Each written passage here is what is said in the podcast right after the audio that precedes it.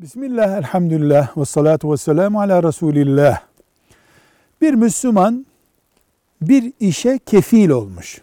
Mesela bir borca kefil olmuş ama sonra da ölmüş. Ölünce kefalet iptal olur mu? Cevap. Ölüm kefaleti kaldırmaz. Tıpkı şahsın birisine borcu vardı, senetli, çekli, öldü. Ne oluyor? Varislerinden, mir, miras kalan malından o borç tahsil ediliyor. Kefalet de bir borçtur. Ölümle iptal olmaz. Kefil olanın kalan malından o tahsil edilir. Velhamdülillahi Rabbil Alemin.